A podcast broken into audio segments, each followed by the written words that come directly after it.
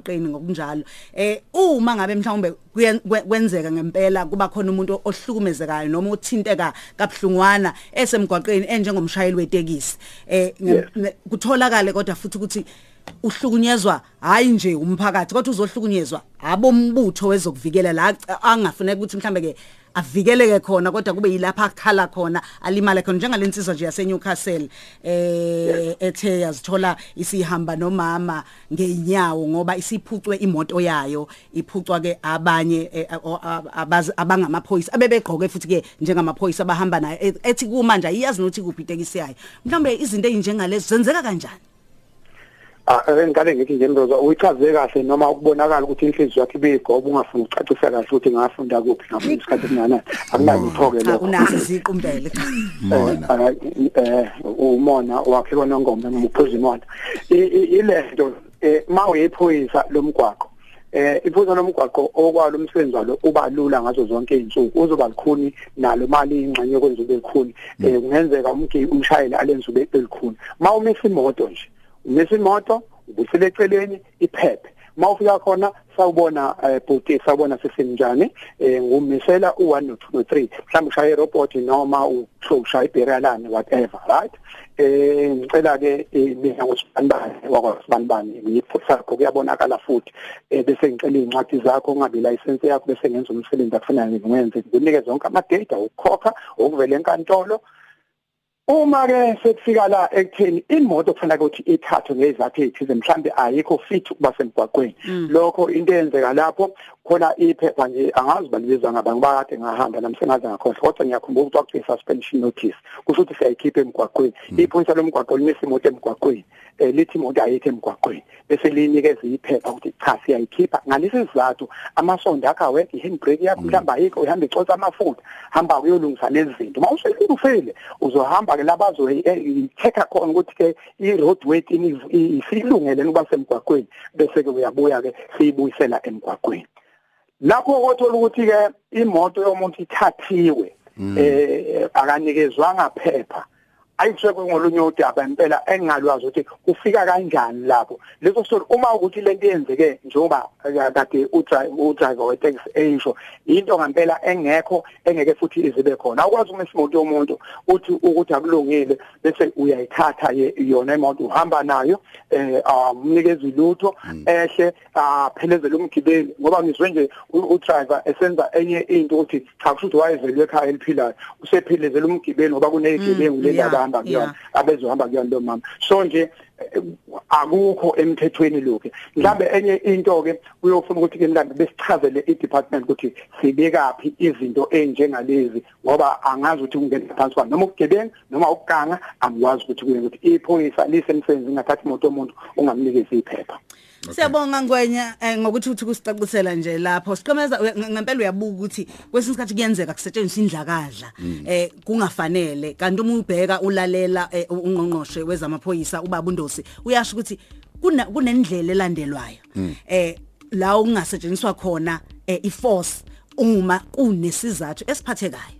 Uyabo so ukuthi ngempela ngempela bese kufanele ayikho enye into ebisangenziwa ke manje ngalomuntu Okuyiyona option uyayibona lonto iyona into ebekade ikhona le bese ukuze lo muntu phela akwazi ukuthi athathwe ayiswe akwazi ukuthi aqole necala kahle. Ziningi nje izinto ezike esoloko siyibheka nanokuthi nje futhi uyabona uma ubheka ibill of rights iyasitshela ukuthi eh, asivikeleke sonke.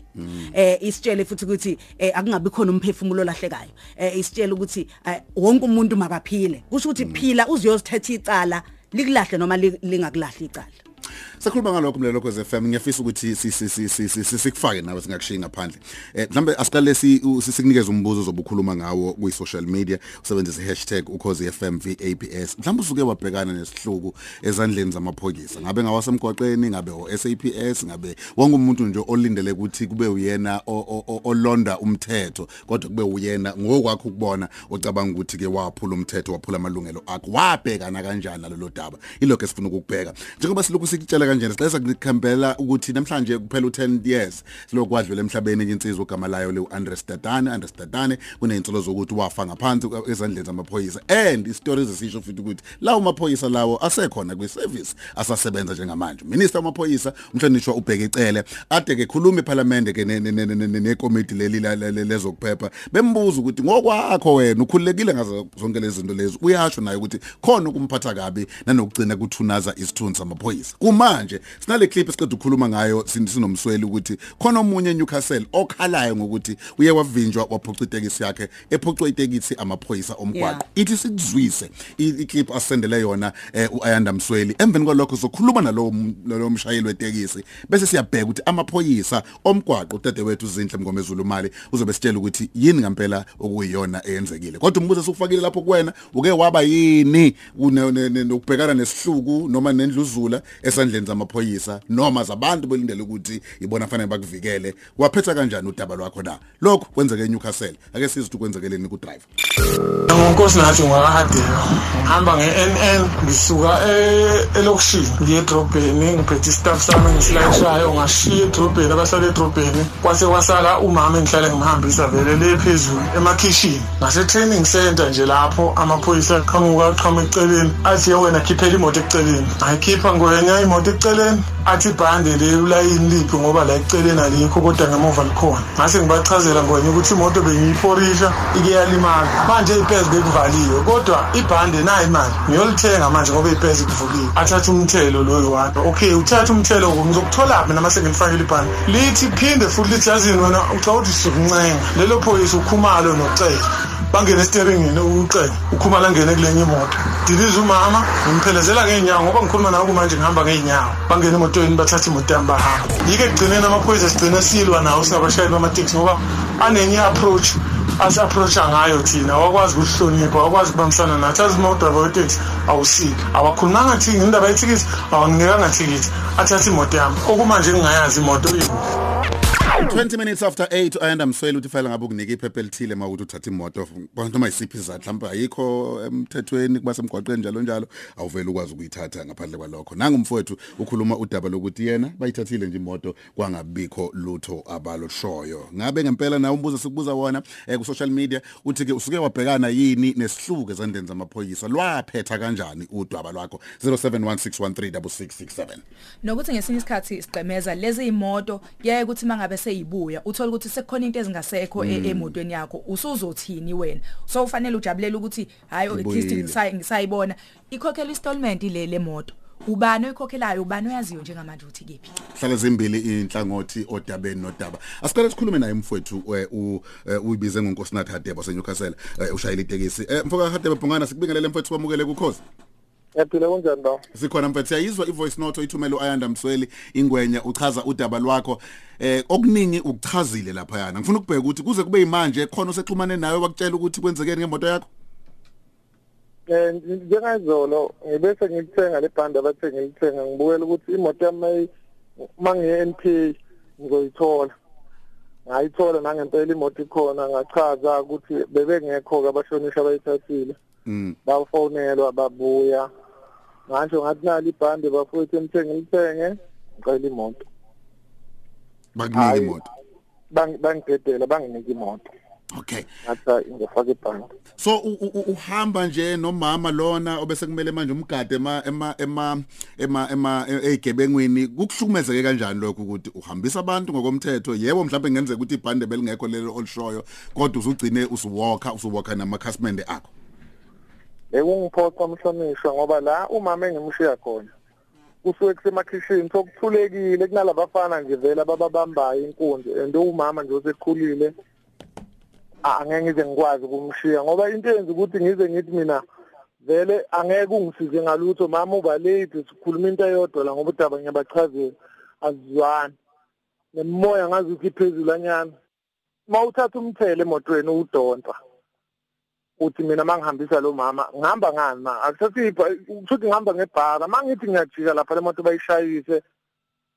Le makuqala nje kukhulunywa lapho kuthiwani umthela anginawo lowo muntu usemangale lo phutha ke ubudede ngobaba.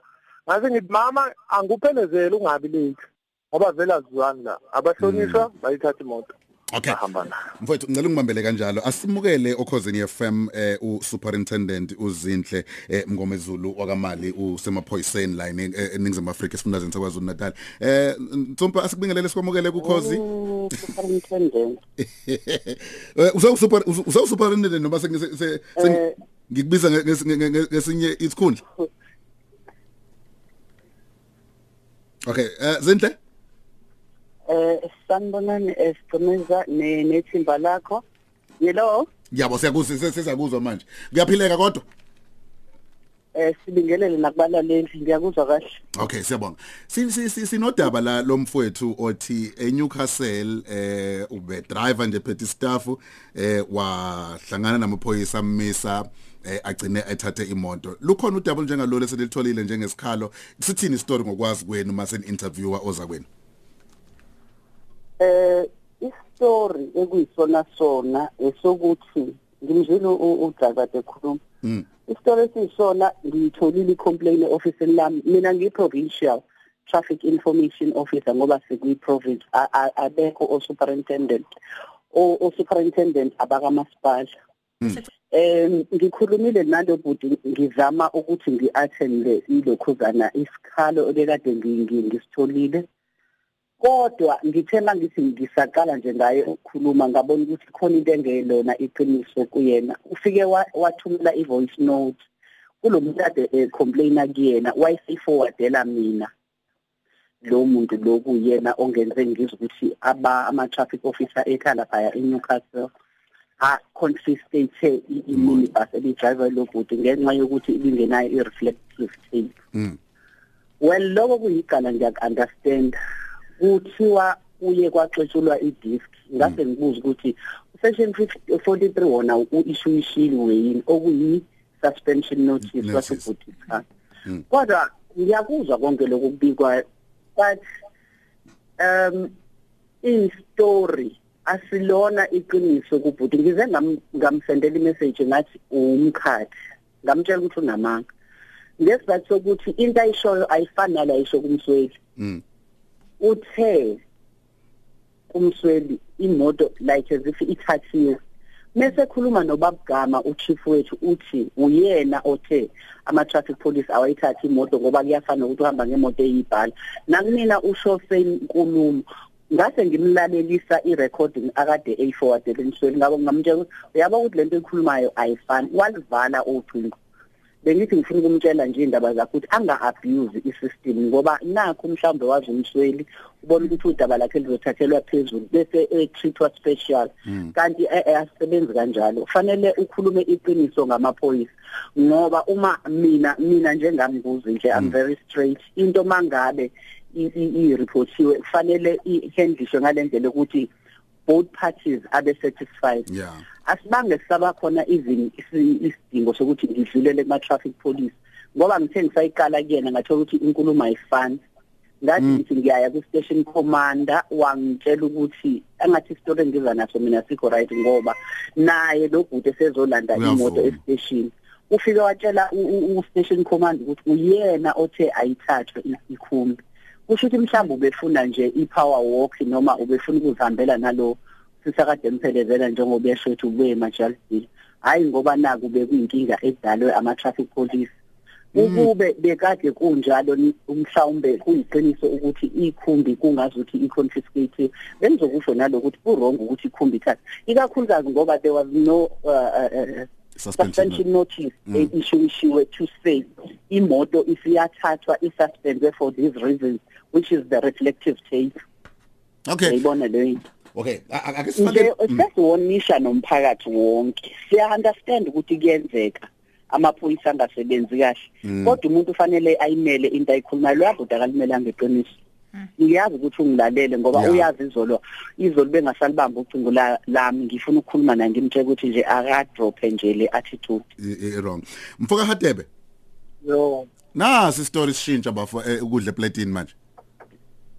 Umama ungibuzile ngithe kuye mama imoto ithathiwe imoto uthe mayikhipha idisk ngithi mina mawukhipha idisk uthi ngiyephi ngemoto engenayo idisk Wathi abayithathe wena. ngisuka la ishayile mama angikuphelezele sambi vele imoto ibihamba angena amaphoyisa ayithatha imoto ngino nginomama la bengihamba naye ngimlayishayo Mhm. inamba ngiye ngayisendela ubabheke yakhe ongake mhlawumbe akhuluma into straight ukuthi kwenzakaleni bekhona Okay. Mm. Lokho kusho amaphoyisa Oh so, sorry Mroza. kusho ukuthi wena ubusu ubo unqena ukuhamba ngemoto engena disk ngoba ubonela ukuphepha mhlambe kwa- kwa- kwa- kwakho uma kungase kwenzeke ena kwi owner eh kwenzeka mhlambe kushayisaka imoto kodwa imoto ayina disk wawusubona ukuthi kunjalo kum- kumaphoyisa a- thani awayithathi imoto noma azingenele ayithathele ang-authorizanga ukuthi kube kube khona umuntu othatha imoto.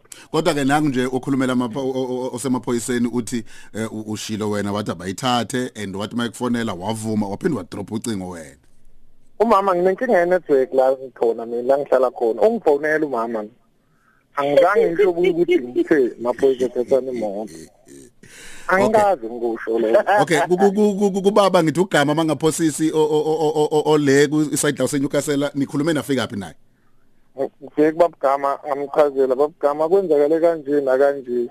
Bathatha idisk ngathi ngithi uma uthatha idisk mama ngikuphelezele uba late. Nani bafowethu uma nithatha idisk yemoto?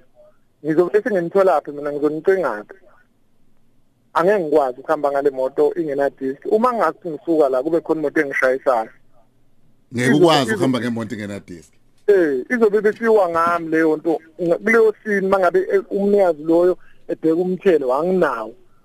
Yipoint ayitholayo yokuqala leyo Okay. le moto ayinamthelo mina bese ngiyahamba ngiyocinga iphoyisa ngithi hayi umthelo nawo. Ngapha ngikusini imoto ishayisile. Kumnikazi wemoto sengikhuluma ngisile Mm. Okay. yabo.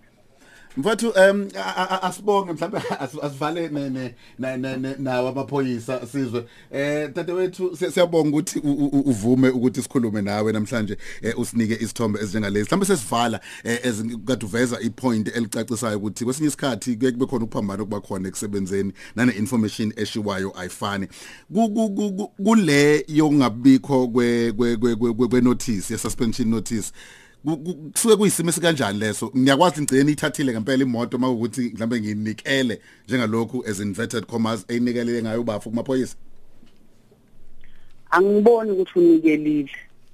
Mm. la kunama side awu2 ale coin.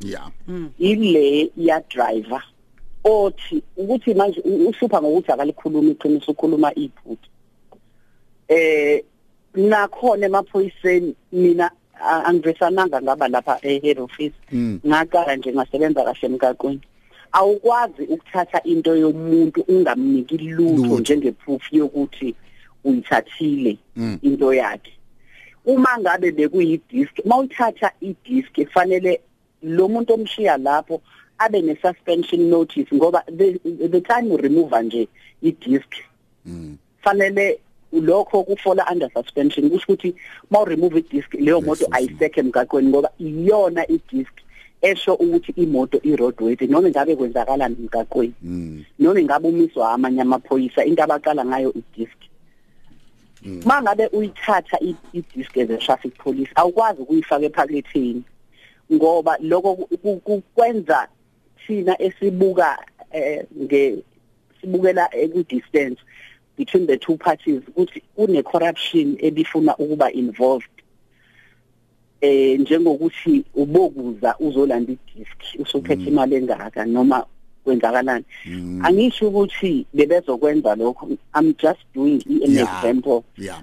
It's my view like iyasolisa indaba ukuthi umuntu angathatha idisk ayohlala naye estation umuntu odrive imoto engamnikezanga lutho Mm. and then jiki jiki asazi ukuthi bakhulumeni ngoba no station commander sishilo sathi eh ngoba incazelo amaphoyisa lawa kuthiwa incazelo awamnikanga station commander Mm. ngoba bengifuna ukwazi explanation behind ukuthatha imoto Imoto, yeah. without issuing i notice ukuthi eh, ums- usection bani wabe bewusebenzisa? Ngoba angiwazi iplaza ukho ndawo. Nokuthi wona wonke futhi ama actors wasebenzisa manje abaxhumakanga ne ne ne explanation kuthe nje few minutes down the line sengireporta further lento sengifuna ithathelwe inyathelo bengazona inyathelo zokuthi udriver unike instruction kwakona ukuthi udriver a civilian anganikeza a man of law instruction yokuthi ikhumbi ithathwe akukho nje kwasemthethweni Mm. mina nje ngisafaka uniform ngiye emgaqweni akekho umuntu ongangitshela ukuthi angithathe imoto ngimshiye kanjalo without any notice ngoba ngangizobe ngazi ukuthi ku unlawful iziningi izinto ezenzakile lapha ya kodwa ke akulutho ngoba udaba siyalazi sizolibona ukuthi silenze njani. Inkinga fanele lireportwe lireportwe yilo muntu okhuluma iqiniso. Ingakho singesize sifike ndawo nayo but ke umphakathi nje uwonke fanele wazi ukuthi akukho driver oyomiswa i-traffic police akubambele i-disc athi woza estation fanele mayithatha idisk akunikeze ngaleso sikhathi. Suspension notice ebhaliwe ukuthi suspendelweni imoto. Ngiyabona. Ulungisana ngibona nothabile Dlamini la esho ukuthi ke ngisho ngabe mhlawumbe udrive ushilo ukuthi ke abayithathe njalo imoto. Eh sizindle imoto bebenalo yini? Mhlawumbe vele ilungelo lokuyithatha engekho amaphepha. Ake nibuze ngempela. Lutho elithela. Nje ukusebenza okungekho right lo ya angifuna nokuthi ngize ngisho lento engiyicabangayo la emoyeni. Ngoba ngizoyisebenza kahle ngaphakathi. Akwazi ukuthatha imoto yomuntu ungamnikezi lutho. Ngaphandle kwemoto eabandoned i-abandonment yemoto ine definition ukuthi izuke engaki okwazi ukuyithatha ngaphandle kokuthi ishushe something izinsuku ezingaki ku freeway noma ku CBD usiyamba nje yena uthi ke umuzo wami uthi ke uma mina ngempela njengo driver ngithi iphoyisa alithatha imoto kufanele liyithathe ngempela yini? Lithathe instruction kumina njengo driver na? Omunye futhi ke umbuzo okhona loyo uthi ngoba nakho imoto kuthiwa ke i unroad worthy na? Okay. So so so, so wafunda konke lama comments. Ngiyafisa ngike ngachaza vele ukuthi akukho nje emthethweni ngiyafisa ukuthi senze i-follow up ngesinye isikhathi because kuyacaca ukuthi kuzona zombili inhlangothi khona namaphoyisa angakwenzanga kahle eh ngokwendlela yenu engikholwa ukuthi kusuka manje khona izinto enizoyithatha inyathelo sibuye sikhona ngicela nje ukuyibuza lo mbuzo sengivala. Ake ngithi bangivimbile benza kanjena. Ngingalwini icala ngokwakho ukubona ngiyazi ukuthi ngikufake ekubeni ummeli nani nani uma ngaphuthuma ngiye police station ngithi sengibanjwe inkunzi ngayiphucwa ngabantu abazibize. Ongelinye icala futhi lelo ukuzenza amaphoyisa eh mhlawumbe ungelona because one ayikho mhlawumbe into abayiprovile kumina ukuthi bayiphoyisa and two anginawo nanencwadi eyi suspension notice ekhombisayo. Vele ngithi nje bangikhombile bangiphoca imoto. Ngike ngakusho lokho ku drive ukuthi uyazi ukuthi ungaya uyovula icala emaphoyiseni ukuthi uphuciwe imoto ngoba phela ayikho into ethi imoto ithathiwe for these particular reasons. So icala vele ungaliwina uma ngabe benze njalo abantu bokuboshwa la uvulela icala ngoba abakunikile into ethi lawfully bayiremovile imoto kuwena ngezi zizathu nalezi. Akukho nje emthethweni ukuthatha imoto yomuntu ungamnikezi lutho ufuneze station azokwenzana estation sakho? Ngoba la fanele afike nedisk kusho mhlawumbe efike estation fanele afike nento yokuhleka. Superintendent Zinhle Mngome Zulu Dlakadla siyabonga. Eh kwena uNtsumba siyabonga kakhulu eh dede wethu Zinhle so so khuluma later ke sesiza ukuthi kwenzekani. Hey insuma insuma insuma lona. Insuma insuma. Khuluma kubeka kubeka nento kodwa ke inama side out too. Yeah njobe eyibeka la. Umfowethu kunendlela ayisho ngayo ngendlela ayisho kummeli and namaphoyisa ngawo. Kodwa imbobo ziyavela cishe kumahlangothi o2 yeah. Well udaba luka he said she said makuthi sekukhulunywa ngelokuthi ukugcina usuku ungakwazi ukulithatha kahle isayidi eliyilona. But ekugcineni ama facts abekiwe laba bathatha imonto ngaphandle kwamaphepha. kwamaphepha akhombisayo. Ongakubuka njengecala lokuthi futhi ungiphuca imoto ngihamba ngayo. Two ongenzeka ngiyethanda example akasho udadewethu uzinhle ukuthi ilokho ukuthi futhi ubuzothi mufika ususa iceleni ngithi fake esincane ukuze ngikwazi ukuthi eh ngi ngi ngi ngi release i disc yemoto.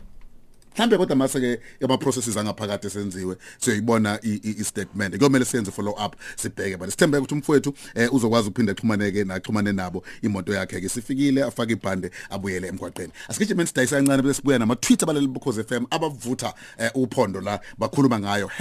#ukhozi FM eh, VABS maningi kakhulu ama tweet anemona eminingi ehlukahlukene. Sibuya ngawo manje. Cause FM abaleli bokhoze FM sebathumeleka ama messages ngenjwayelo ehiyane Ya uma ngibuka nje la eh, khona othi eh, ubhuti bekufanele ke uma besusa umthelo bekufanele ke bamnike njalo iphepha ngiyabona usahamba Usahamba kuleyo kulokho, ndawo yes. na. Kanti ke omunye futhi la eh, naye ke uyakhuluma ngalolu daba uthi ke ngisho ngabe mhlambe ke udriver ushilo ukuthi ke ab- abayithatha imoto eh, okay. Eh, naye ubuza ukuthi ngabe bebenalo yini ilungelo na?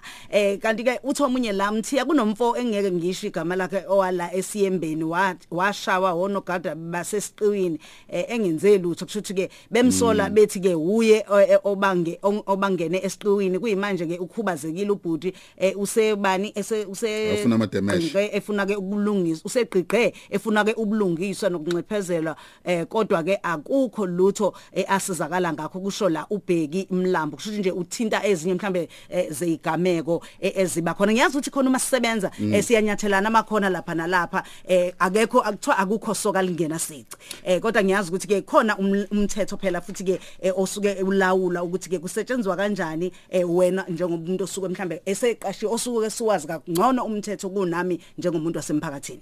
Sibheka mfana ama tweets akhona Usodolopha sithi Ximba eNewcastle uthi khona sigxemeza emgaqweni kusafuneka kufundiswe amaphoyisa kufundiswa abashayeli. Mina ngo2015 ngathathelwa iSprinter iToyota Corolla ngangihambise omakhelwane esibedlela basehlisa yahamba kanjalo imoto yami. Sure.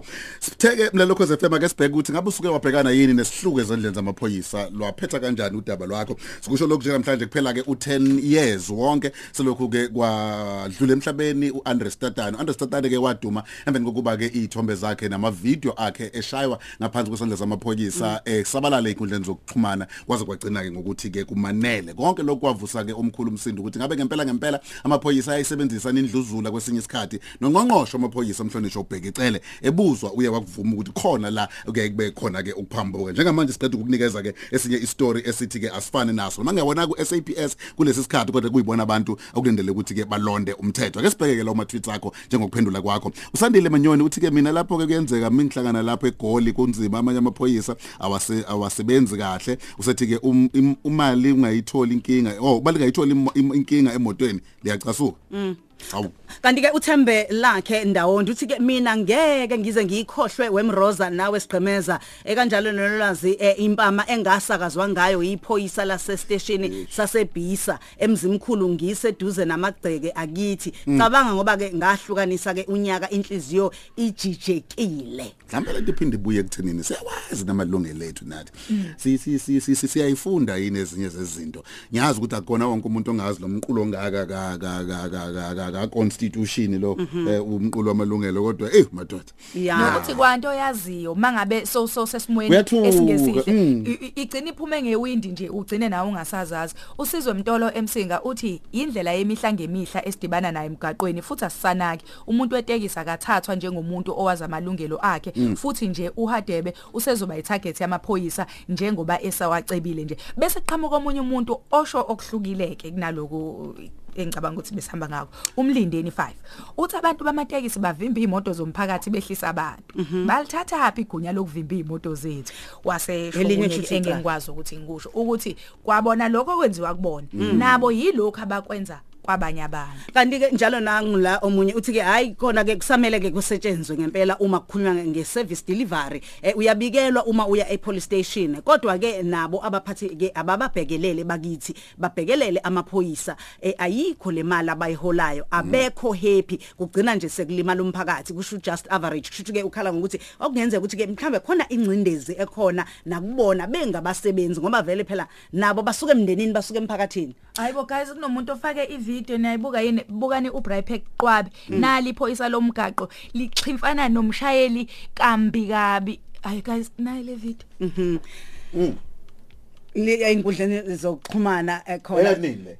Angazi ukuthi Ngathi yani lothi kuyisayini. ngibuthi uthini uthi lana kuthulekile ngicela ukubuza ukuthi kumele yini mali kumisa iphoyisa lithi yey wena washinhlambe enkulu ke elishilo eh eh washo leyo lo But ihambe- Jack, ngokwethu. ihambelana noma Umbodani. wakho nje khona lapho Eh, wey yayi iya- umbodane dube ena uthi ke kwesinye isikhathi amaphoyisa asebenzisa amandla angalandeli umthetho ngempela eh, njengoba sike sakhuluma ukuthi kuyenzeka eh, kusetshenziswe ke indlakazi Ngakhona lapha indlakahle kumele kodwa isebenze kufanele khona. isetshenzwe uma kuukuthi wena unenkani? Angikwazi ufika ngone uma sengitshelwa ngendlela eh- ehambisana nokuthi okay kusuka manje kwama bese nginqaba ngenza mhlambe noma ngifuna ukulwa. Nabo akufanele ba- ba- ba- balahlekelwe imindeni yabo. Bakhona bangamaphoyisa kodwa eh nabo baqhamuke emndenini. Ngakho ke khona indlakadla ehleliwe evele engaphakathi. Kodwa ke siyazi ukuthi kuba khona internal eh, disciplinary eh, procedure eyibe khona siyesizwe kukhulunywa ngayo o negative eh, discipline no progressive discipline. Ubaba ucela uyakhuluma ngalezo zinto lezo ukuthi mhlawumbe umuntu angapanishwa kanjani loyo obonakala esebenzela ke umbutho noma mhlambe ke angalungiswa kanjani eh, isimilo sakhe ukuze akwazi ukuqhubeka phela nokusebenza. Sophela sibheka futhi ama voice notes akho njengalokhu Paula ku Cause FM ngicina ngawo amabili amathathu nje okugcina ama tweets eh, ethu. Eh uthi ke ubani usihle zondi kwadolo kumele ke yini lingimise lengidlula lishaya ikhwela iphoyisa eh okay uyasibuza umbuzo naye la usipho mfonto futhi mina ke asishaya amaphoyisa angabuza lutho road report ethola utshwala emotweni kaSibali. Eh ubani lona ke ukade uthi kade ngayibona leyo kade ngayibona leyo video kushuma flowers kakade usho video endala. Uhlona kusithembiso sikode mina ngibona ke sengathi amaphoyisa ke bahlukane kwindaba eh kaNemenite nobafo. Kusho usithembiso sikode ukhuluma ngodaba esibuya kulona ukuthi cha beluhamba udaba. Usho uBafo wanqena ukuthi ke asethe okuncane. Uthando kuhle gains mande uthi ke eh, okay birthday lesikafika ama birthdays eh, uthi ke lona ke kwesinye isikhathi amaphoyisa o umbodani usebenzisa ke amandla angalandeli umthetho le umroza ake ke ayifunda ngaphambilini. Siyabonga kakhulu ke lokho FM zolokhu wabheka ke lama tweets musebenzisa le hashtag evele trend ake njengamanje njengenjwayelo ethi ke #ukhozi FM VAPS but ekugcineni umuntu seningizimu Afrika unomthetho okhona obekiwe. Umthetho sisekelo seningizimu Afrika uAct 108 ka1996 usamile nje ku- ku- ku- ku- ku- kuma bills of rights ama- amalungelo akhona azo. Zonke izinto ezikhona sengathi futhi ngakutholele yesizulu ukubuka buke nje ukuze nawe ukuthi ugadla phela makuthi khona abakushoyo usho ukuthi nakho nami engikwaziyo kungamalungelo ami. Yebo ke ngeke kwaba ibona bonke abofisa ukuthi bekulalele nikhulume ngamalo hleke mina ngakavalwa ngelinye em, emgwaqeni en uh, ubani lona osuka ko komfolozi uza N2 eh mangithi ngithi ah, ngihamba emonto ebhalwe igoli si- na number plate segoli angishayele ama ama amalambu Yeah. ngibuye eceleni uSAPS yeah befika bethi ayisicela ukubheka imoto yakho. Yeah hayi okay. nami futhi kube kube nje right ngehle ngiqonde kubona. But babone ilanguage. Ngaphambi ukuthi berealize ukuthi ngubani. Ilanguage esikhulumayo oh, is there anything wrong officer umiselani umiswa officer ubani. Eh because at that time omunye wa- ube nalokho nje ukuthi cha phela kwazi vele kungimise sebusuku oqala la. Yeah. Uyangimisa awuveze ukuthi ubani. Well mhlawumbe ubuyiphathe appointment card eyivezayo but ithi ngibona ukuthi ubani into engikhuluma naye. Uma sebebona hawo hey hey ubani bani but kodwa uyabona nje ukuthi bese siqalile sathi ukuhishana. Ukube nawe ubu ukuba nami ngithe ukudlonga ngaya phezulu. Yeah. And futhi ke mhlambe ababoni ukuthi umuntu eh abamaziyo mangisenza lo gama lelo eh well anginkinga ukuthi ungiseshe imoto but ake silandele ezinye zezintana ezincane ezikhona adesha umsebenzi example ngephoyisa lasemgwaqeni uyayimisa imoto vele unesiqephezana sikuvezayo